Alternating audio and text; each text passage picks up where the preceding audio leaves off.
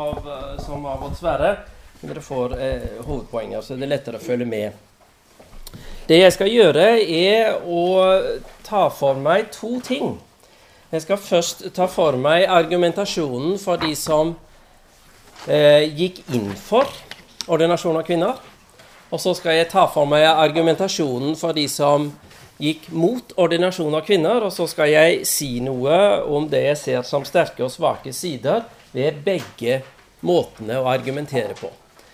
Eh, ingen av oss er ufeilbarlige, og det finnes ting å si både på den ene og den andre måten her. Én eh, ting kan det være eh, kanskje litt greit å bevisstgjøre seg eh, før vi setter i gang. Og det er endrede forutsetninger for, eh, for eh, den type kirkelig debatt siden den gang. Eh, nå har vi i tillegg til bispemøte, kirkemøte og lærenemnd som produserer dokumenter som styrer debatten. Det hadde vi ikke den gangen. Eh, og Derfor er det to begivenheter som styrer diskusjonen. Den ene er, og vi har vært borti det i dag allerede, den ene er ordinasjonen av Ingrid Bjerkås i 1961. Og den andre er uttalelsen fra MFs lærerråd i 1972. Det er de to sentrale begivenhetene vi har her. Og eh, med utgangspunkt i det så skal jeg konsentrere meg om den norske debatten i tidsrommet 1960 til 1975, med litt sideblikk til slutt om eh, den økumeniske konteksten som dette befinner seg i. Den var jo for så vidt del av en internasjonal debatt hele tiden. Den kanskje viktigste bidraget fra nei-siden eh, er denne boken, som også Sverre refererte til, 'Kvinnelige prester hvorfor ikke', gitt ut i 1961, som allerede den er en ganske internasjonal, men da luthersk eh, eh, samling bidragsytere. Det er Sverre Aalen, Bo Gjerts, Regin Prenter og Peter Brunner. Kanskje vi skal ta oss tid også rett og slett til innledningsvis å lese de to nytestamentlige tekstene som denne debatten dreier seg om. Eh, første Korinterbrev, kapittel 14, fra vers 33. Som i alle de helliges menigheter skal kvinnene tie når menigheten samles. Det er ikke tillatt for dem å tale, de skal underordne seg, slik også loven sier.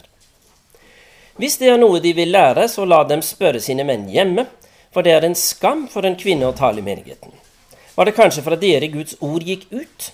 Er det bare til dere ordet er kommet? Hvis noen mener seg å være profet eller ha åndsgaver, så skal han vite at det jeg skriver, er et Herrens bud. Den som ikke godtar dette, blir selv ikke godtatt. Og Den andre teksten, 1. Timoteus brev, kapittel 2, fra vers 11.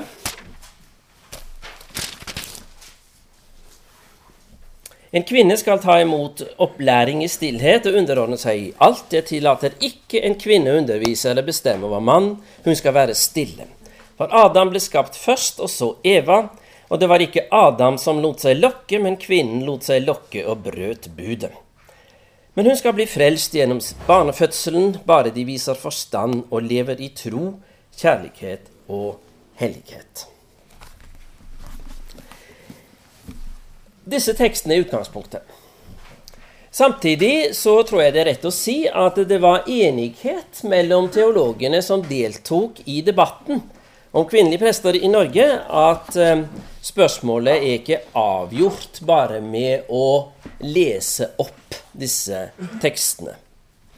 De nytestamentlige formaninger må her som ellers forstås i lys av de overordnede prinsipper som motiverer og begrunner de.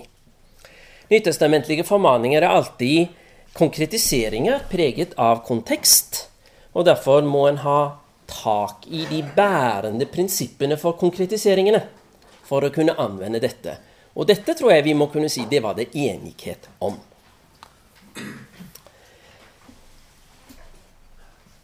Uenigheten dreier seg da om hva som er det overordnede prinsipp.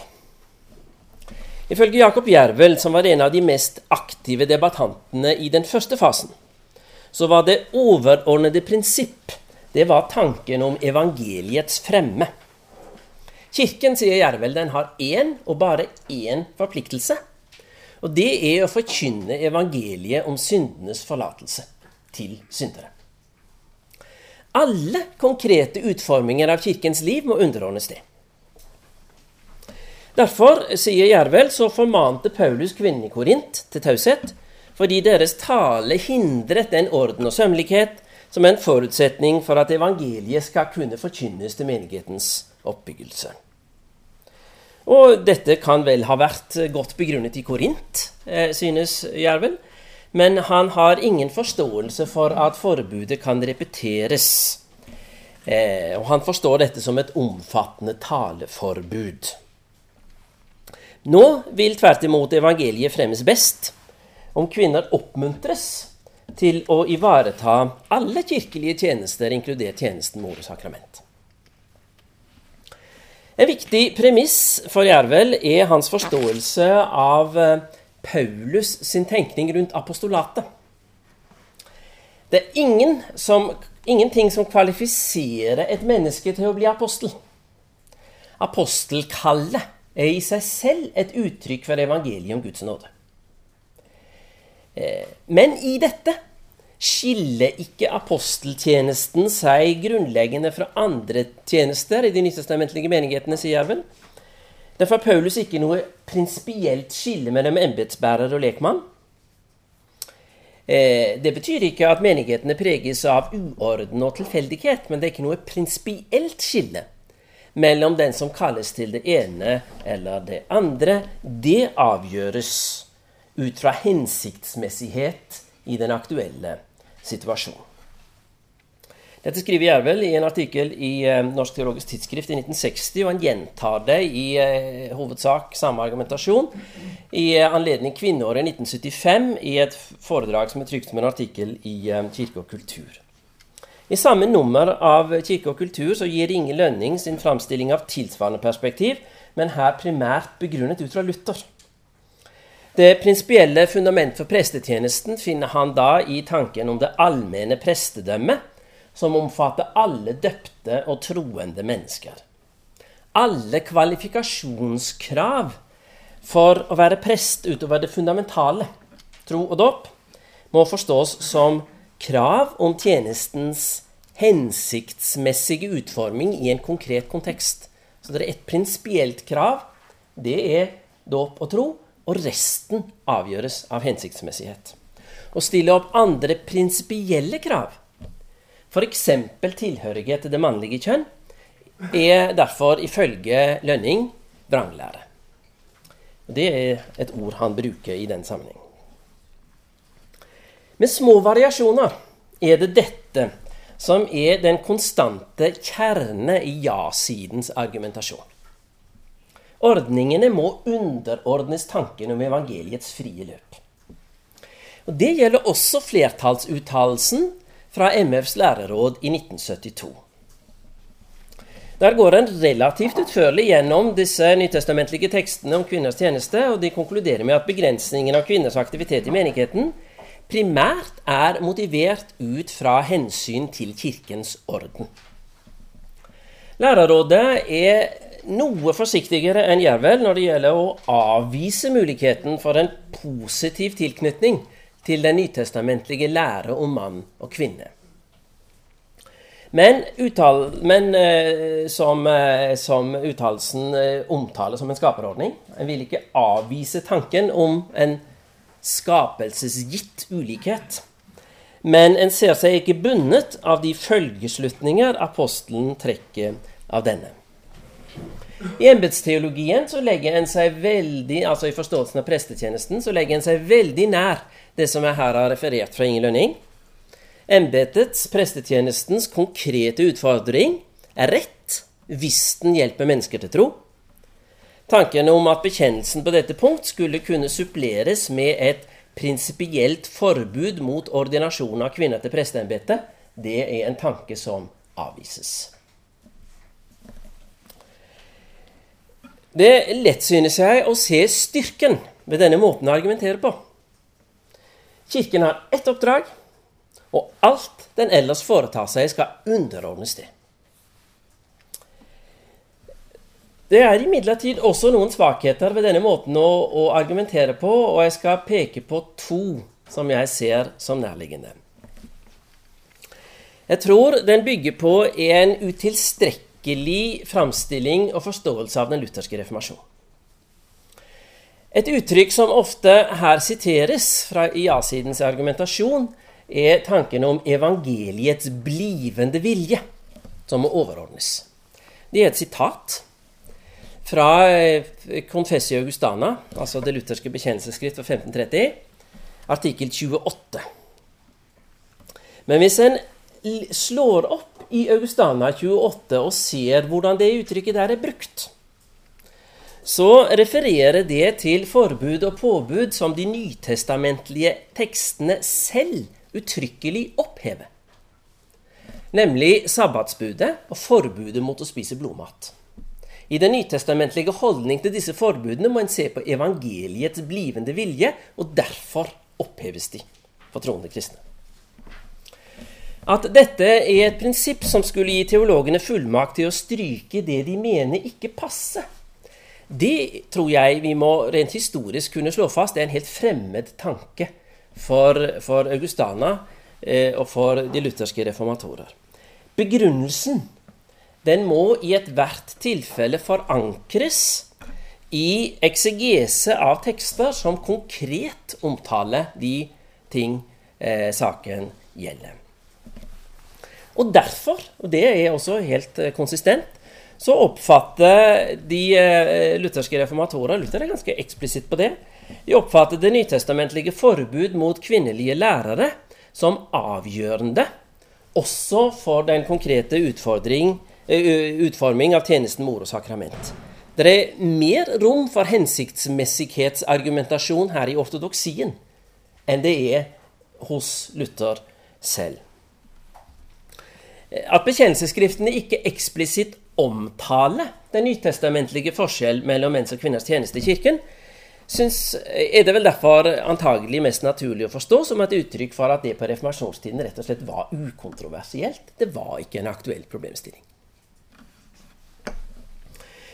Og dernest, og det syns jeg er viktigere, så hviler det et preg av hva jeg vil kalle nestorianisme over ja-sidens argumentasjon. Jeg skal forsøke å forklare hva jeg mener med det.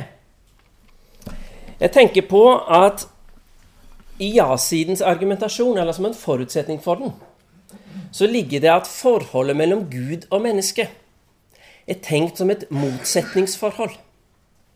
Det tror jeg er et ganske viktig prinsipielt poeng her. Og det betyr at Gud er til stede i menigheten og den troendes liv bare i form av benådning og tilgivelse. Altså det er en prinsipiell spenning mellom det mennesker gjør, og det Gud gjør. Og derfor må Gud alltid tilgi. Ellers er det ikke kontakt mellom Gud og menneske. Forholdet er altså forstått rent negativt. Gud er alltid og utelukkende nærværende på tross av menneskets synd. Tenk en slik, så er det noe ganske viktig i Det nye, nye testamentet som jeg tror blir borte. Fordi Det nye testamentet tenker ikke ut fra utelukkende motsetning mellom Gud og menneske. Det er også en positiv relasjon, som til syvende og sist har sitt feste i at Gud åpenbarte seg ved å bli menneske. Og menneskets identitet realiseres dermed gjennom gudsfellesskapet. Forbilledlig realisert i Kristus, men nettopp forbilledlig. Det skal også realiseres i de troendes liv. Og dette tror jeg er den prinsipielle forutsetning for de apostoliske formaningene. De apostoliske formaningene tegner for oss de troendes liv i fellesskap med Kristus. Der fellesskapet mellom Gud og menneske er forstått som en mulighet for en positiv livsutfoldelse, og ikke forstås punktuelt og som et rent motsetningsforhold. Jeg Vet ikke om dere fikk tak i det der, men det er en, det er en litt abstrakt argumentasjon. Men jeg tror den er ganske viktig. Konsekvensen av motsetningsforholdet, og hvis det blir det overordnede prinsipp, er at det menneskelige relativiseres og overlates til menneskets dømmekraft. Men jeg tror ikke det nytestamentlige budskap kan reduseres til benådningens på tross av, hvor viktig det enn er. Fordi eh, jeg tror det er gode grunner for å si at kjernen i det nytestamentlige budskap det er foreningen av guddommelig og menneskelig i Kristus.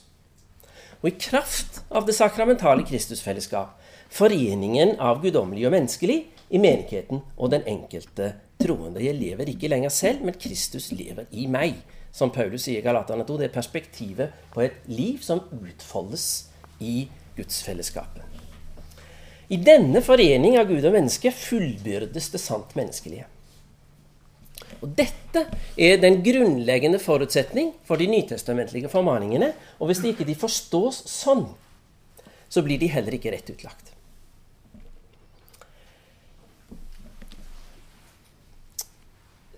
Så langt tror jeg vi kan konkludere med at eh, en saksvarende omgang med de nytestamentlige tekstene om kvinners tjeneste. De kan ikke nøye seg med det som jeg til nå har referert fra ja-siden. Eh, de nytestamentlige tekstene her har en prinsipiell begrunnelse som ja-sidens argumentasjon ikke kommer til rette med. Og det vi da må spørre om, er om de kommer bedre til sin rett i argumentasjonen til dem som hevdet at Kirken burde fastholde det tradisjonelle nei til kvinnelig prestetjeneste. Og Da skal jeg gå over til å si litt om det. På samme måte som Jervel var ja-sidens sentrale ekseget, så var det Sverre Aalen som først og fremst kom til å målbære det tradisjonelle synet. Hans forståelse av 1. Korinterbrev kapittel 14 den skiller seg på flere punkter fra Jervel sin forståelse av den teksten. For det første så forstår han ikke taleforbudet som et generelt taleforbud, men han forstår det som et forbud mot det han oppfatter som delaktighet i det offentlige forkynneroppdrag. Eh, og Det begrunner han med at eh, et prinsipielt nytestamentlig bud det kan ikke dreie seg bare om atferd. Det må ha med et, med et prinsipielt oppdrag å gjøre. Eh, og dels ved at han leser 1. Korinterbrev 14, som har et forbud mot å tale, og 1. Timoteus brev kapittel 2, som har et forbud mot å lære. Han leser de tekstene tettere sammen, lar de belyse hverandre, eh, enn det Jervel gjør. Derfor så forstår Sverre Aalen eh, 1. Eh, Timoteus 2 som en for så vidt selvstendig redegjørelse, men den gjelder samme sak som det som eh, omtales i 1. kor 14. Og dernest, og det syns jeg er interessant, han legger vekt på at forutsetningen for den nytestamentlige etikk er tanken om gudbilledlighetens virkeliggjøring i mennesket. Og Her ivaretar hans argumentasjon nettopp det som jeg etterlyste som manglende hos, hos kvinnepresttilhengerne. Det er Derfor hevder han helt naturlig at den forståelse av forholdet mellom mann og kvinne som Det nye testamentet allment forutsetter, også kommer til uttrykk i en fordeling av tjenester i menigheten som er begrunnet i et bud fra Herren. Sånn forstår eh, Sverre Aalen 1. Korinterbrev kapittel 14. De eh, embetsteologiske aspektene, altså det som har med prestetjenesten å gjøre, forståelsen av den, med denne debatten det utdypes eh, på en interessant måte av Regin Prenter i et foredrag. og Det kunne jeg nesten ikke la være å ta med eh, anledningen. Han holdt dette foredraget på, FBBs år, på et seminar i anledning FBBs årsmøte i Oslo i 1960. Eh, så vi har samme eh, setting som i dag. Eh, for 51 år siden. Da var det altså Regin Prenter som sto her, så vi, så vi vasser i store sko i dag, dessverre. Det, det må vi kunne si. Eh, Prenter hevder i dette foredraget, som altså er gjengitt her i denne boken Han hevder at når en ofte kommer til kort i møte med de nytestamentlige tekstene om tjeneste i menigheten, så skyldes det en uklar forståelse av noe så sentralt som forholdet mellom lov og evangelium. Det er nemlig på nytestamentlige premisser, sier Prenter, ikke tilstrekkelig å forstå loven utelukkende som det radikale bud om fullkommen kjærlighet som bare kan oppfylles i, eh, i og med Jesu død og oppstandelse. Eh, det nye testamentet kjenner også hva Prenter omtaler som ordningsbud. Eh, altså bud som skal sikre evangeliets rette overlevering. De viktigste eksemplene på det er innstiftelsen av sakramentene, som forutsetter lydighet mot den bestemte måte som her fastsettes for evangeliets overlevering. Det skal gjøres slik og ikke slik. Og i analogi med det er det Prenter forstår det han utlegger som Det nye testamentets forbud mot at kvinner skal betros læreembetet eller det offentlige forkynneroppdrag i menigheten. Forutsetningen for Prenters argumentasjon er altså at Det nye testamentet ikke, slik eh, ja-siden argumenterer, bare inneholder et budskap om frelse og benådning, som en så kan aktualisere som en vil, men Det nye testamentet inneholder også forordninger om hvordan budskapet skal formidles. Prenter vil ikke med det benekte at tjenesten i menigheten i noen grad kan organiseres på forskjellige måter. Men han hevder at når det gjelder de sider ved tjenesten som faktisk er forordnet i Det nye testamentet, har senere kirkeledere like lite adgang til å endre det som de har til å endre dåpens og nattverdens innstiftelse. Her ser Prenter en tydelig parallell. Herrens bud i 1. Korinterbrev 1437 det har derfor for Prenter samme karakter, samme autoritet, som budene angående dåpens vann og nattverdens brød og vin. Prenter polemiserer derfor mot de som forstår Augustanas lære om innstiftelsen av prekenembetet som om det utelukkende skulle dreie seg om nødvendige handlinger, og ikke, ba, og ikke også om bestemte personer. Eh, Prenter polemiserer her eh, eksplisitt mot Gustav Wingren, men den treffer også den forståelsen av eh, preste tjenesten, som jeg nå har referert fra Jervel Inge Lønning og flertallet i MFs lærerråd. De argumenterer på mange måter nokså likt. Viktig for Prenter er det at eh, det er Kristus som ved apostelutsendelsen har innstiftet prekenembetet. Det kan altså ikke forstås som menighetens overdragelse av bestemte funksjoner ut fra et hensiktsmessighetssynspunkt. Den guddommelige innstiftelse det er en forutsetning for at ordets tjener skal kunne, skal kunne tale i Kristi sted. Menigheten kan ikke gi noen rett til å tale på Guds vegne. Derfor forutsetter eh, prekenembetet en guddommelig innstiftelse av tjenesten. For Prenter er det viktig å bevare sammenhengen mellom apostelutsendelsen og presteordinasjonen og at det i begge tilfeller på nytestamentlige premisser dreier seg om menn. Det forstår Prenta som et ytre kjennetegn som peker inn mot evangeliets sentrum. Vil en ta bort dette tegnet, tar en derfor bort, sier Prenta, en viktig forutsetning for å forstå sammenhengen mellom Kristi utsendelse av apostlene og vår prekentjeneste. Av et etterskrift til den trykte utgaven av Prentas foredrag som er tatt med i denne boken, så får vi også et lite innblikk i, i uh, samtalen eh, etter foredraget på, på, FBBs årsmøte for 51 år siden. Og Der fikk Regen Prenter motbør fra et litt uventet hold, nemlig fra Sverre Olm,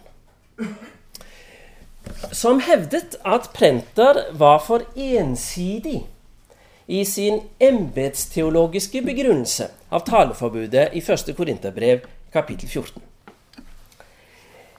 Det har nemlig også, sier Sverre Aalen, en skapelsesteologisk begrunnelse. For i sin argumentasjon i 1. kor 14 så viser Paulus ikke bare til Herrens bud, men også til loven. kvinnene skal underordne seg slik også loven sier. Det embetsteologiske aspektet, sier Sverre Orden, det er rammet inn av en skapelsesteologisk forståelse av menns og kvinners ulikhet. Og Det var en innvending Prenter aksepterte, men han har så vidt jeg vet ikke eh, selv utdypet det noe sted i det han har eh, skrevet om denne debatten. Det gjøres imidlertid i det siste bidraget i 'Kvinnelige prester hvorfor ikke', som altså er skrevet av en tysker, Peter Brunner, og her oversatt eh, fra, eh, fra, tysk. Og Det er nok på mange måter det mest omfattende og kanskje saklig sett mest solide av, av bidragene her. Hans utgangspunkt er at Kirken er underlagt Herrens bud om å forkynne evangeliet og forvalte sakramentene. Det budet oppfylles dels av alle kristne gjennom sin tjeneste, og dels gjennom den særskilte tjeneste som Kristus har innstiftet, og som Brunner kaller for det misjonerende hyrdeembetet. Det syns jeg er en ganske god betegnelse. Det misjonerende hyrdeembetet. Og med det tenker Brunner faktisk, og dette varmer jo en gammel misjonærs hjerte, at eh, det, det, skal være en tjeneste i en menighet som samtidig alltid skal forsøke å nå ut over den til nye steder. Når det gjelder forståelsen av den ulikhet Det nye testamentet tillegger kvinner og menn i forhold til den hyrdetjenesten, så må den ta sitt utgangspunkt, sier Brunner, i den tekst som uttrykkelig legges til grunn både i 1. Timoteus brev kapittel 2 og eh, det Paulus skriver om menn og kvinner, ikke i 1. Korinterbrev 14, men i 1. Korinterbrev kapittel 11. Nemlig 1. Mosebok kapittel 2 og 3. Mannen ble skapt først, og kvinnen ble skapt av ham som hans like. Guds ord ble først gitt til mannen, og han skulle gi det videre til kvinnen. Og det mislyktes. Ikke bare lot kvinnen seg friste, men mannen falt for samme fristelse og fullbyrdet slik syndens innbrudd i menneskets verden. Og dette endret forholdet mellom mann og kvinne fra å være trygt og tillitsfullt til å være preget av begjær og underkastelse. Men den opprinnelige ordning av forholdet mellom mann og kvinne er en del av det gode skaperverk, og opprettes derfor når skaperverket gjenopprettes i og med Kristusfellesskapet. Derfor forstås forholdet mellom mann og kvinne i det kristne ekteskap i analogi med forholdet mellom Kristus og Kirken. Og elementene er like lite utbyttbare i den ene relasjonen som i den andre. En kan ikke snu forholdet mellom Kristus og Kirken. Men man kan heller ikke snu forholdet mellom mann og kvinne ut fra Det nye testamentet, sier Brunner. Den såkalte kefalé, eller hodestrukturen, eh, innebærer at en har en rekke Faderen, Sønnen, menigheten, eller mannen, og kvinnen. Der, er den, der er, I denne rekken er alltid den ene av og for en annen. Og Det faststelles av, Brunner som en del av det opprinnelige skaperverk, og dermed også som en del av dets gjenopprettelse i det kristne hjem og den kristne menighet. Og Dette omtaler Brunner som en aksiologisk grunnstruktur i den bibelske åpenbaring, altså et helt grunnleggende prinsipp for forståelsen av den bibelske åpenbaring. Som også ligger til grunn for den nytestamentlige differensiering av menns og kvinners tjeneste i Kirken, etter Brunners oppfatning er det en vesenskonflikt mellom kefalé-strukturen, altså denne hodestruktur, og tanken om kvinners hyrdetjeneste. Og den som avviser gyldigheten av kefalé-strukturen, er derfor etter Brunners oppfatning en heretiker. Jeg synes Brunner på denne måten lykkes i å gi en framstilling som både integrerer ordens eksegetiske og Prenters embetsteologiske perspektiver, og som framstiller den nytestamentlige tenkning om tjenesten i Kirken innenfor en omfattende og velbegrunnet forståelse av forholdet mellom Gud og menneske. Og mellom mann og kvinne.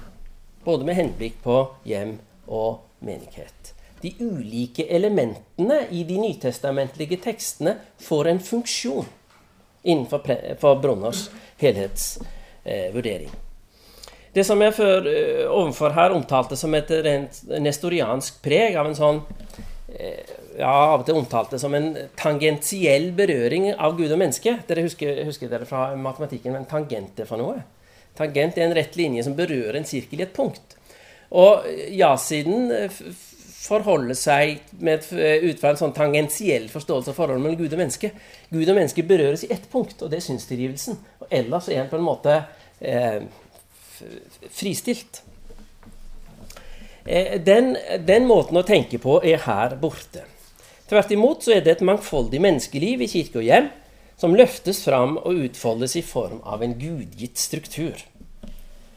Apostelens argumentasjon forstås som velbegrunnet tekstutleggelse, og ikke bare som en tilfeldig samling av argumenter som rent pragmatisk skal prøve å komme til rette med den situasjonen menigheten nå en gang har havnet i.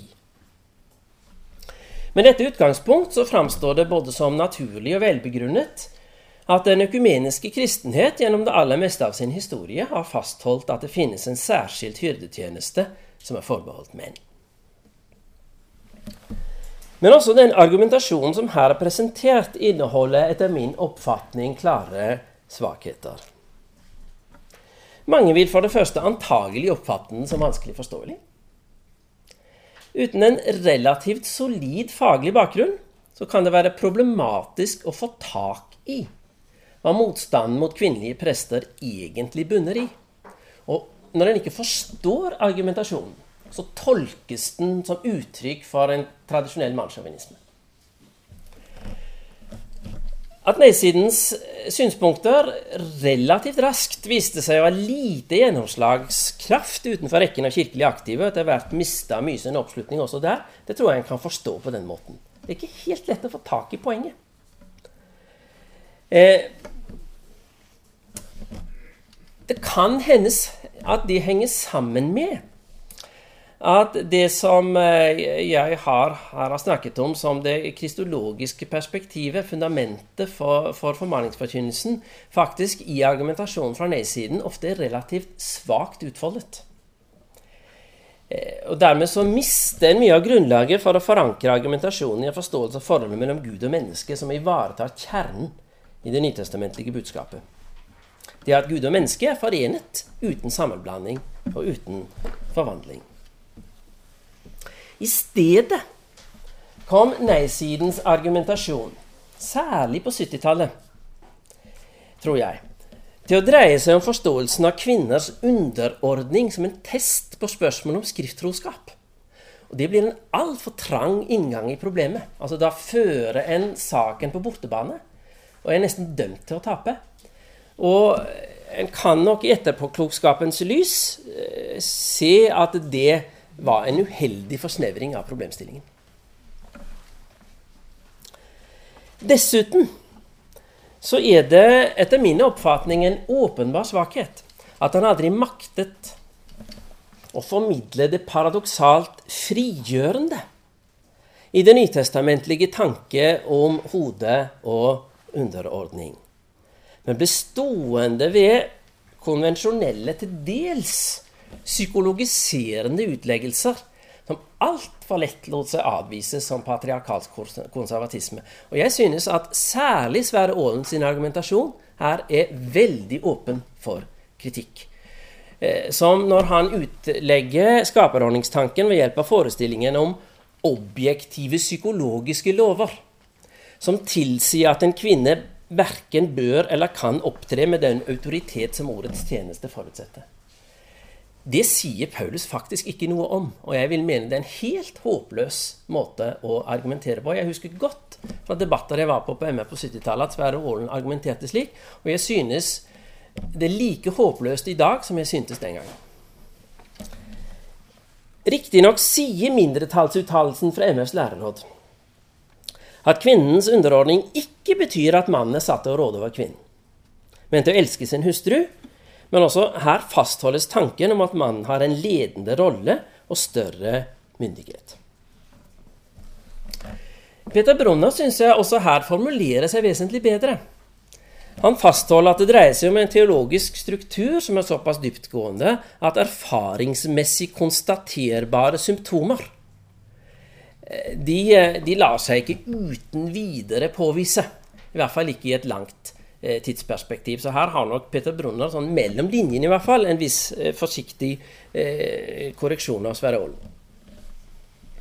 Derimot er det ingen i det materialet jeg har gjennomgått med henblikk på, denne, eh, eh, med denne, dette foredraget, eh, som viser til at når formaningen til hustruen om å underordne seg sin mann korresponderer med formaningen til mannen om å elske sin hustru slik Kristus elsket kirken, i Efesene 5, så,